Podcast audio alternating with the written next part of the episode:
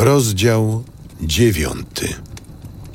Wówczas zabrał głos Hiob i rzekł: Istotnie, ja wiem, że tak jest. Jak człowiek może być przed Bogiem prawy? Gdyby się ktoś z nim prawował, nie odpowie raz jeden na tysiąc. Umysłem mądry, a potężny mocą. Któż mu się sprzeciwi, a ocaleje? Przesunie on góry, choć one nie wiedzą, kto je wywraca w swym gniewie. On ziemię porusza w posadach, tak iż się trzęsą jej filary. Słońcu daje rozkaz, a ono nie wschodzi. Na gwiazdy pieczęć nakłada. On sam rozciąga niebiosa, kroczy po morskich głębinach. On stworzył niedźwiedzice, Oriona, Plejady i strefy południa. On czyni cuda niezbadane, nikt nie zliczy jego dziwów. Oto przechodzi, ale go nie widzę. Mija, ale go nie dostrzegam. Porywa, któż mu zabroni? Kto mu powie, co czynisz? Bóg gniewu swego nie cofa.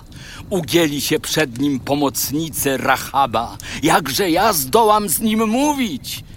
Jakich dobiorę słów wobec niego? Choć słuszność mam, nie odpowiem. A przecież błagać będę o litość. Jeśli zawołam, czy mi odpowie? Nie mam pewności, czy głos mój słyszy. On, który w burzy na mnie naciera, bez przyczyny mnoży moje rany. Nawet odetchnąć mi nie da. Tak mnie napełni goryczą. O siłę chodzi, to mocarz. O sąd, to kto mnie pozwie? Choć jestem prawy, usta mnie potępią. Chociaż bez skazy, winny mnie uznają. Czy jestem bez skazy? Nie znam sam siebie, odrzucam swe życie.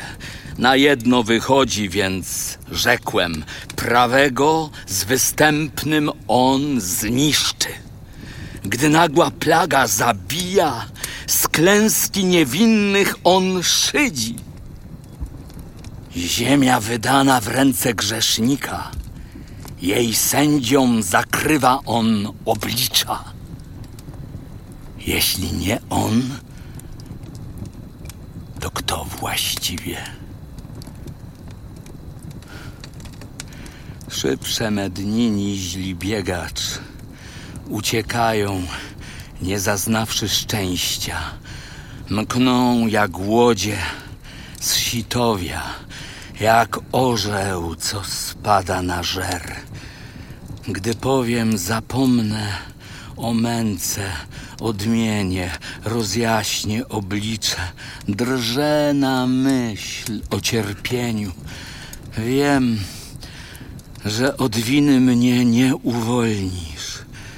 Jeśli jestem grzesznikiem, po cóż na próżno się trudzę? Choćbym się w śniegu wykąpał, a ługiem umył swe ręce, umieścisz mnie tam, na dole. Brzydzić się będą mną szaty, bo on nie człowiek, by mu odpowiedzieć: razem się udajmy do sądu. Czy jest między nami rozjemca, co rękę położy na obu? Niech zdejmie ze mnie swą rózgę i strachem mnie nie napełnia, bym mówić zdołał bez lęku.